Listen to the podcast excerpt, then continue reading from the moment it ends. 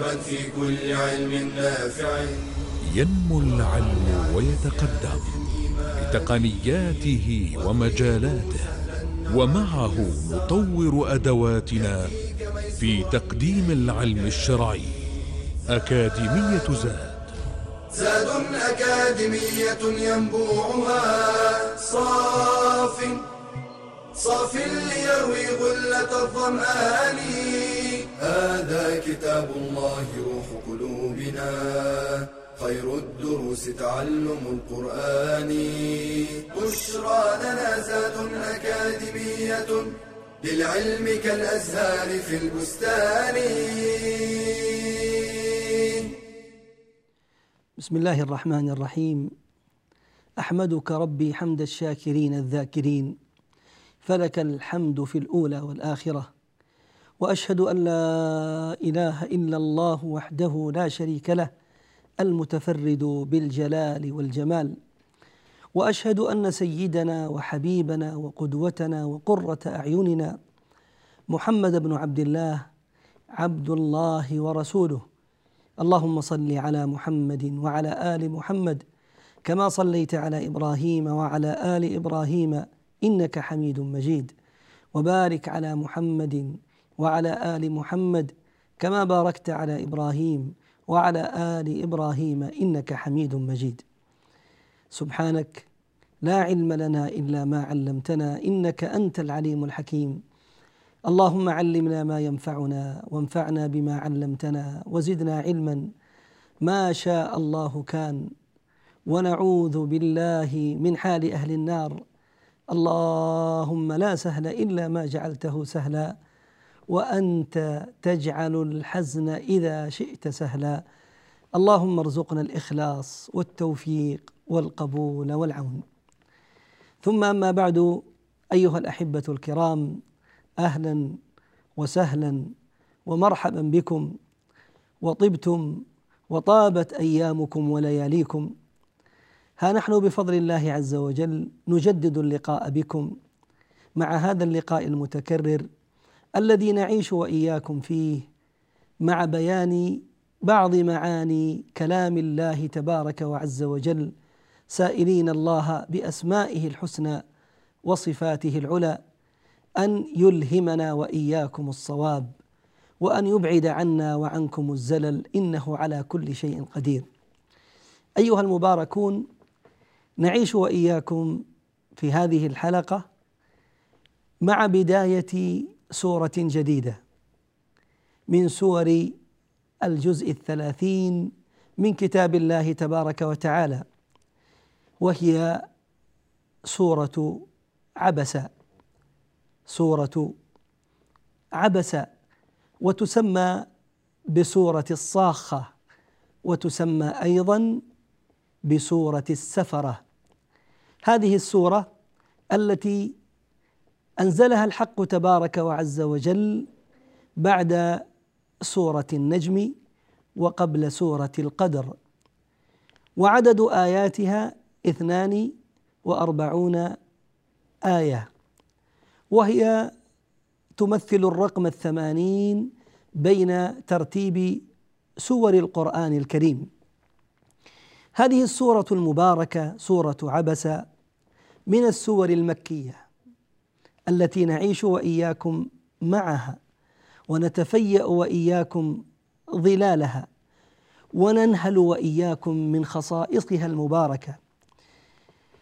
وكنا قد بينا ولا نزال نبين أن هذه السور المكية من أعظم خصائصها ترسيخ الإيمان في نفوس المؤمنين عموما من قارئين أو مستمعين فإنها تؤكد على وحدانية الواحد تبارك وعز وجل تعظم في نفس الإنسان هذا الخالق لهذا الكون الفسيح ترسخ في قلبه أركان الإيمان ومن أهمها الإيمان باليوم الآخر الذي سيقود إلى كل فضيلة وتدلل على ذلك بعظيم الدلائل في هذا الملكوت الفسيح العظيم تلفت نظر الإنسان إلى هذا الكون من حوله وما خلق الله تبارك وعز وجل فيه من دلائل تدل على وحدانيته وعلى عظيم قدرته وخلقه عز وجل. وأحيانا بدل أن تشير إشارات إلى يوم الآخر تصرح بذلك اليوم وتتحدث عنه صراحة كما أيضا في هذه السورة المباركة في آخرها فإذا جاءت الصاخة. فهذه كلها من خصائص هذه السور المباركة التي نعيش وإياكم معها. أيها المباركون سورة عبس ابتدأها الله تبارك وعز وجل بآيات من أجمل الآيات وأعذبها التي تحمل عتابا لرسول الله صلى الله عليه وسلم. وهو عتاب بأسلوب غاية في الروعة وغاية في اللطف وغاية في اللين وغاية في الرقة تدل دلالة واضحة على عظيم قدر النبي صلى الله عليه وسلم عند خالقه وعند سيده ومولاه. كيف لا؟ وهو سبحانه وعز وجل الذي ما ناداه عليه الصلاة والسلام في كتابه الكريم كاملا باسمه المجرد. وإنما يا أيها النبي يا أيها الرسول مع أن غيره من الأنبياء والمرسلين يناديه الله تبارك وتعالى باسمه المجرد يا نوح يا إبراهيم ولكنه عليه الصلاة والسلام الذي سيعاتبه ربه تبارك وتعالى في هذه السورة من عظيم قدره وسمو رتبته تحمل أو يحمل هذا العتاب لطفا ورقة تدل على عظيم قدره صلوات ربي وسلامه عليه. ابتدأ الله تبارك وعز وجل هذه السورة بقوله تعالى عبس وتولى أن جاءه الأعمى وما يدريك لعله يزكى. الله. لاحظ. يقول الله تعالى عبس وتولى. لم يقل سبحانه وعز وجل عبست وتوليت. ولم يقل عز وجل عبس محمد وتولى. مع أنه في معرض الإخبار. وقد ذكر عز وجل اسمه المجرد في معرض الإخبار لا في باب النداء. ولكن هنا يعاتب عليه الصلاة والسلام بهذين الفعلين عبس وتولى وكأنه عليه الصلاة والسلام يخاطب بعيدا ولا يخاطبه عليه الصلاة والسلام بضمير المخاطب المباشر. ليبقى ذلك التقدير والتوقير والإجلال له عليه الصلاة والسلام. عبس وتولى. من هو ذا الذي عبس وتولى؟ ومما عبس وتولى. إن الذي عبس وتولى هو رسول الله عليه الصلاة والسلام. ومن ذاك الذي عبس في وجهه وتولى عنه عليه الصلاة والسلام هو عبد الله بن أم مكتوم. كيف ذلك؟ تحدثنا عن ذلك أمنا عائشة رضي الله عنها وأرضاها كما في سنن الترمذي وغيره. أنه عليه الصلاة والسلام جلس في يوم من الأيام مع سادات قريش. جلس مع سادات قريش مع أبي جهل وأمية بن خلف ومع عتبة ابن يعني شيبة مع عتبة بن ربيعة وشيبة بن ربيعة وغيرهم من سادات قريش. جلوسه عليه الصلاة والسلام معهم كان بهدف استمالة قلوبهم إلى هذا الدين. دعوتهم إلى رب العالمين. يريد عليه الصلاة والسلام أن يكون هؤلاء أفرادا في هذه المنظومة الرائعة التي هي منظومة أهل الإيمان وللحديث بقية إن شاء الله بعد الفاصل. بشرى لنا زاد أكاديمية للعلم كالأزهار في البستان.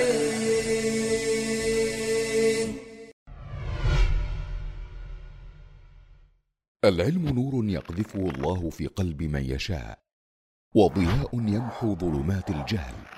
الحرص على طلب العلم والازدياد منه طريق الأنبياء ودرب الأصفياء.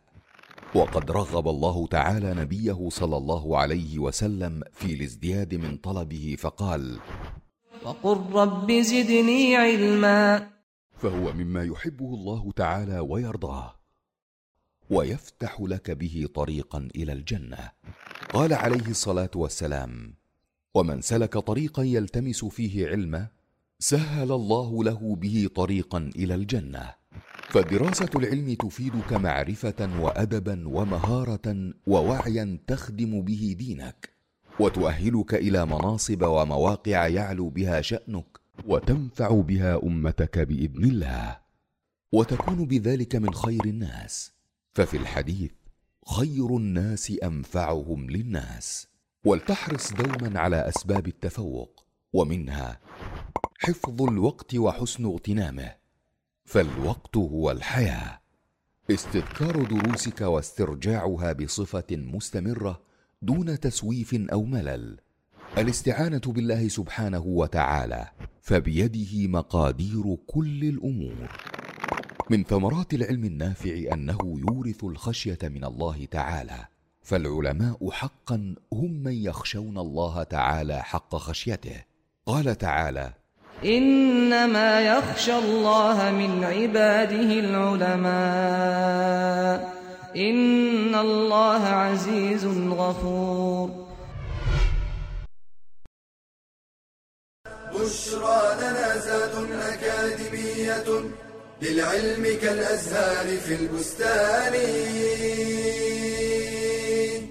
بسم الله الرحمن الرحيم. أهلا وسهلا ومرحبا بكم. عدنا إليكم أيها المباركون بعد هذا الفاصل. وكنا قبل الفاصل نتحدث عن سبب نزول هذه الآيات من سورة عبسه كما في حديث عائشة رضي الله عنها وأرضاها. تحدثنا أمنا عائشة رضي الله عنها أن سبب نزول هذه الآيات كما قلنا أنه عليه الصلاة والسلام جلس في يوم من الأيام مع بعض سادات قريش من المشركين وجلوسه عليه الصلاة والسلام معهم كان من أجل دعوتهم إلى الله تبارك وتعالى. أخذ عليه الصلاة والسلام يبين لهم هذا الدين. يبين لهم محاسن هذا الدين. فلعلهم أن يسلموا لعلهم أن يؤمنوا. فإن إسلام مثل هؤلاء سيكون فتحا للإسلام والمسلمين. إن دخول أمثال هؤلاء في دين الله تبارك وتعالى سيكون طريقا إلى دخول غيرهم وإلى إيمان غيرهم. إن كسب مثل هؤلاء من سادات قريش يعتبر فتحا ونصرا مبينا. ولهذا حرص عليه الصلاة والسلام على الجلوس معهم. أثناء ذلك جاء هذا الرجل المبارك عبد الله ابن أم مكتوم. وأم مكتوم هي أمه عاتكة المخزومية كانت تكنى بأم مكتوم ومكتوم هو هو صاحبنا عبد الله وسمي أو لقب بمكتوم لكونه أعمى لا يرى. وكانت العرب تقول للأعمى مكتوم فهي أم مكتوم هذا الذي نحن معه. وهو ابن خال خديجة بنت خويلد زوجة رسولنا صلى الله عليه وسلم. ولقب بأمه أو نسب إلى أمه عبد الله مع أنه عبد الله بن عمرو وقيل عبد الله بن قيس. ونسب إلى أمه قالوا لأنها أشرف نسبا وكان العرب يفعلون ذلك. إذا كانت الأم أشرف نسبا ينسب إليها. فنسب إلى أمه رضي الله عنه وأرضاه. وبالمناسبة هذا الرجل أصبح في يوم من الأيام مؤذن من مؤذني رسول الله صلى الله عليه وسلم. وأصبح هذا الرجل يستخلفه عليه الصلاة والسلام فقد استخلفه قرابة ثلاثة عشر مرة وهو يخرج عليه الصلاة والسلام من المدينة للغزو في سفر يستخلفه عليه الصلاة والسلام واليا على مكة. وهذا الرجل بعد هذه الحادثة المباركة كان كلما قابله عليه الصلاة والسلام يقول له مرحبا بمن عاتبني فيه ربي. مرحبا بمن عاتبني فيه ربي. بل ويفرش عليه الصلاة والسلام له رداءه ويجلسه عليه. هذا عبد الله ابن أم مكتوم رضي الله عنه وأرضاه. عاش حميدا مؤمنا طاهرا نقيا. مع أنه ممن عذره الله تبارك وتعالى عن الجهاد بسبب عمى بصره ولكنه أبى إلا أن يخرج في القادسية ومات رضي الله عنه وأرضاه في القادسية وهو يحمل راية المسلمين السوداء آنذاك. قتل شهيدا رضي الله عنه وأرضاه وعن سائر الصحابة أجمعين. قدم هذا المبارك عبد الله ابن أم مكتوم على النبي صلى الله عليه وسلم وهو جالس مع هؤلاء المشركين. عبد الله بن أم مكتوم أعمى كما ذكرنا لا يرى من هم أولئك الذين مع رسول الله عليه الصلاة والسلام. فأخذ يسأل النبي عليه الصلاة والسلام أن يرشده. فيقول له يا رسول الله أرشدني علمني ويكرر عليه الكلام. والنبي عليه الصلاة والسلام مشغول بالحديث مع سادات قريش. فلعل هؤلاء أن يدخلوا في دين الله عز وجل.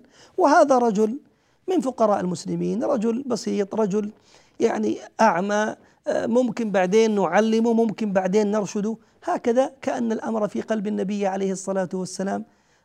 رأى أن المصلحة باجتهاده عليه الصلاة والسلام في دعوة هؤلاء أعظم الآن من تعليم وإرشاد هذا. فهناك وقت آخر يجلس مع مثله ويعلم.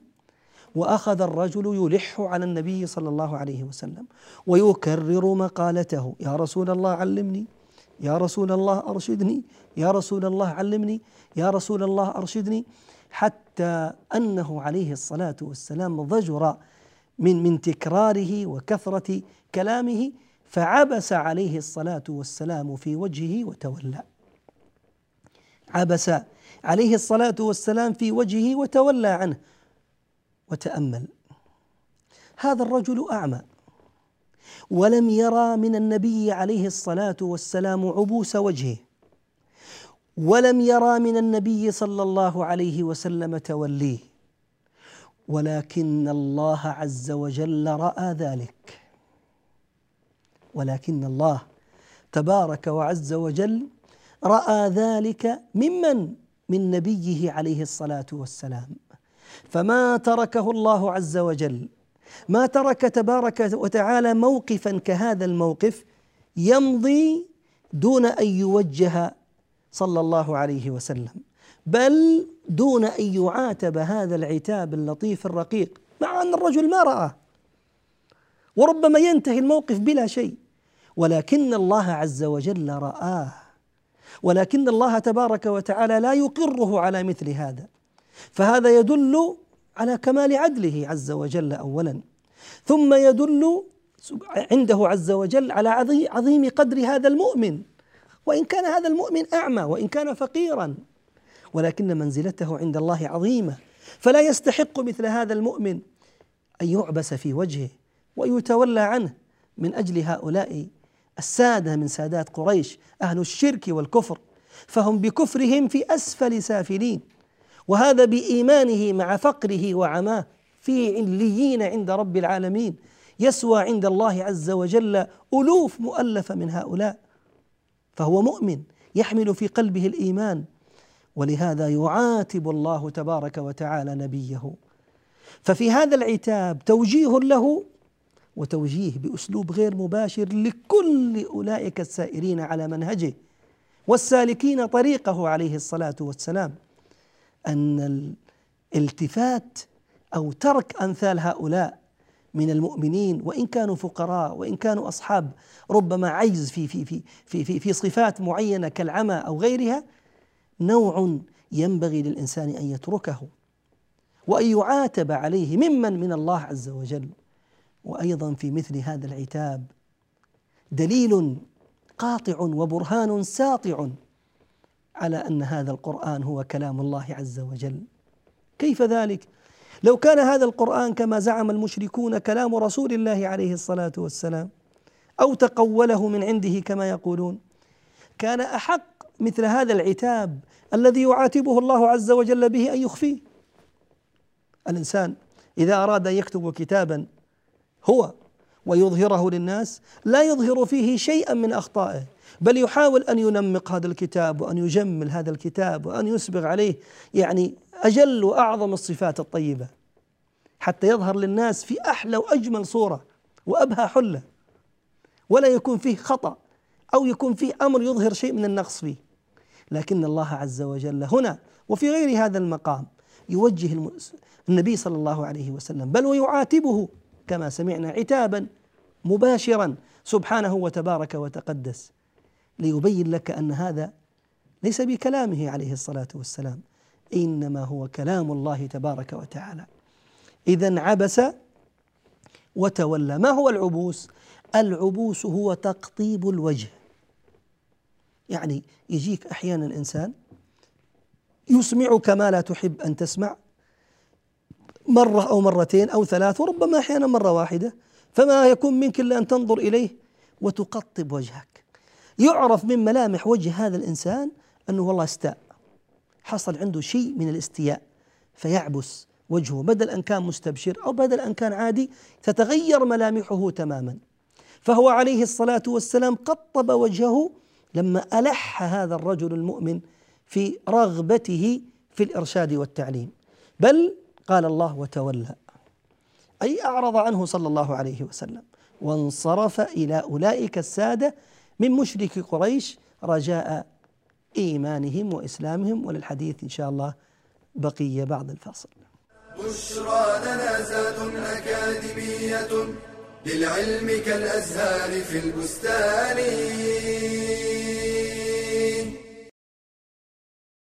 هل كرم المرأة أحد مثل ما كرمها الإسلام فالنساء شقائق الرجال وإنما خصت المرأة ببعض الأحكام كإعفائها من الجمع والجماعات مراعاة لأنوثتها لا تحقيرا لها.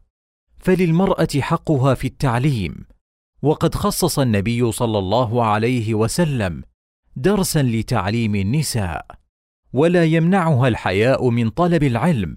قالت عائشة رضي الله عنها نعم النساء نساء الأنصار لم يكن يمنعهن الحياء أن يتفقهن في الدين. والتعليم حق للمرأة على أبيها وزوجها. عن علي بن أبي طالب في قوله تعالى يا أيها الذين آمنوا قوا أنفسكم وأهليكم نارا وقودها الناس والحجارة. قال علموهم وأدبوهم وتعلم المرأة زوجها إن كانت أعلم منه. قال النبي صلى الله عليه وسلم لأبي رافع حين علمته زوجته بعض الأحكام يا أبا رافع إنها لم تأمرك إلا بخير. والتاريخ الإسلامي زاخر بالنساء العالمات المعلمات. كعائشة أم المؤمنين. قال عطاء بن أبي رباح كانت عائشة أفقه الناس وأعلم الناس وأحسن الناس رايا في العامة. ومنهن عمرة بنت عبد الرحمن الأنصارية وحفصة بنت سيرين البصرية وفاطمة بنت عباس البغدادية. فتعلمي واعملي وأبشري. قال تعالى ومن يعمل من الصالحات من ذكر أو انثى وهو مؤمن فاولئك يدخلون الجنه ولا يظلمون نقيرا بشرى لنا زاد أكاديمية للعلم كالأزهار في البستان. بسم الله الرحمن الرحيم. أهلا وسهلا ومرحبا بكم. حياكم الله أيها المباركون. عدنا إليكم بعد هذا الفاصل. نعيش وإياكم مع هذا العتاب اللطيف من رب العزة والجلال لنبيه صلى الله عليه وسلم. هذا التوجيه الرباني لهذا النبي المبارك وهذا الرسول الكريم هو توجيه لكل داعية يسير على منهجه صلى الله عليه وسلم عبس وتولى أن جاءه الأعمى. لاحظ؟ عبس وتولى خطاب بصيغة الغائب وليس بالصيغة المباشرة وكل ذلك من باب اللطف منه تبارك وتعالى. أن جاءه كذلك بصيغة الغائب الأعمى. الأعمى كما قلنا هو عبد الله ابن أم مكتوم والألف واللام هنا في الأعمى الألف واللام للعهد والمراد بها التعريف به وليس المراد التنقص لا وإنما المراد التعريف بهذا الرجل الذي قدم إلى النبي صلى الله عليه وسلم فهو مع كونه من فقراء المسلمين مع كونه مصاب بهذا العجز فلا فلا فلا فلا يرى ومع ذلك يستحق أن يذكر ويستحق أن ينبه على على على أمره ويستحق أن يذكر فهو مهما يكن قد وقر الإيمان في قلبه فأصبح في كوكبة المؤمنين. عبس وتولى أن جاءه الأعمى اسمع ثم يتوجه الخطاب للمباشرة للنبي صلى الله عليه وآله وصحبه وسلم. وما يدريك لعله يزكى. الله. النبي صلى الله عليه وسلم. الله تبارك وتعالى يقول له وما يدريك وما يدريك لما هذا الخطاب؟ لأنه عليه الصلاة والسلام لا يعلم ما في بواطن الناس. فلا يعلم من الغيب إلا ما علمه الله تبارك وتعالى. قل لو كنت أعلم الغيب لاستكثرت من الخير. وما مسني السوء؟ صلوات ربي وسلامه عليه. بشر كمله الله تبارك وتعالى بكمالات ورفعه الله عز وجل مقامات. ولكنه يظل بشرا. قل إنما أنا بشر مثلكم يوحى إلي أنما إلهكم إله واحد. فهو مع بشريته عليه الصلاة والسلام لا يعلم الغيب. ولا يعلم من الغيب إلا ما علمه الله. فلا يعلم مثلا ما في قلوب الناس الذين أمامه. لو كان يعلم ذلك فهذا الرجل الذي قدم إليه الآن هذا الأعمى هذا المؤمن الذي وقر الإيمان في قلبه لو كان يعلم الغيب لعلم ما عنده من الخير من الإيمان. وماذا سيصبح؟ ولكن الله تبارك وتعالى هو الذي يختص بهذا الأمر دون ما سواه. وما يدريك لعله يزكى. ولعل إذا جاءت في كتاب الله تبارك وتعالى ليست كلو جاءت في كلام العرب. فلو جاءت كلمة لعل في كلام العرب فإنها تفيد الترجي. زرني لعلي أكرمك. ممكن أكرمك وممكن ما أكرمك. لكن إذا جاءت في كتاب الله تبارك وتعالى فإنها تفيد التحقيق والتأكيد. أمر محقق لا بد أن يكون. وما يدريك لعله أي هذا الرجل عبد الله بن أم مكتوم لعله يزكى يطهر بهذا الإيمان. وقيل يزكى يعني يسلم وقد كان كذلك بفضل الله عز وجل. وما يدريك لعله يزكى أو يذكر فتنفعه الذكرى اللهم اجعلنا ممن إذا ذكر تذكر ونفعته الذكرى أو يذكر يعني يحصل له شيء من الذكرى شيء من التنبيه على أمر قد غفل عنه فتكون هذه الذكرى هذا التعليم هذا التنبيه طريقا إلى استفادته فيكون ممن انتفع بها. لأن من الناس يا إخوان من إذا ذكر لا يتذكر ومن الناس من إذا وفق فذكر تذكر. اللهم اجعلنا والمشاهدين منهم. نعم يذكر إذا ذكر بأمر محرم ابتعد عنه مباشرة. إذا ذكر بحد من حدود الله عز وجل لا يتخطاه ولا يتعداه ولا يتقحمه ابدا. إذا ذكر بأمر من أوامر الله تبارك وتعالى فعله فورا مباشرة. فهو ممن إذا ذكر تذكر. فيقول الله عز وجل أو يذكر تنبه تعلمه فتنفعه الذكرى. ثم اسمع. أما من استغنى عن هذا الدين استغنى عن هذا الإيمان حصل له عنده حصل عنده شيء من الغنى بكفره. فاغتنى بكفره عن هذا الإيمان. فاستغنى بكفره ومعصيته لربه ووقوعه في هذه المنكرات عن هذا الإيمان وعن هذه الطاعات. وأما من استغنى فأنت له تصدى تتصدى له حيثما ذهب تحاول أن تكون يعني آه، مرشدا له وموجها له رجاء أن تكسبه في صفك وأن يكون من السائرين في طريقك. لا ليس الأمر كذلك. ولا ينبغي أن يكون كذلك وفي هذا تنبيه. للدعاة جميعا أن دين الله عز وجل يا إخوان لا يخص فئة من الناس دون فئة. دين الله تبارك وتعالى ليس للأغنياء دون الفقراء وليس للملوك دون المملوكين وليس للأحرار دون العبيد وليس للرجال دون النساء وليس للكبار دين دون الصغار. دين الله تبارك وتعالى جعله الله عز وجل للعالمين. وما أرسلناك إلا رحمة للعالمين. للناس كافة بشيرا ونذيرا. صلى الله عليه وسلم. غنيهم وفقيرهم ملكهم ومملوكهم كل عباد الله تبارك وتعالى عند رب العزة والجلال سواء. ولهذا عملية الانتقاء التي يفعلها بعض الدعاة للأسف فتراه يختار فئة معينة من المجتمع فيركز عليها جهده ويغفل الفئات الأخرى. لا شك أن هذه من الأخطاء التي ينبغي أن ننتبه لها. وأن نرعوي عنها ويخاف على نية السائر في هذا الطريق.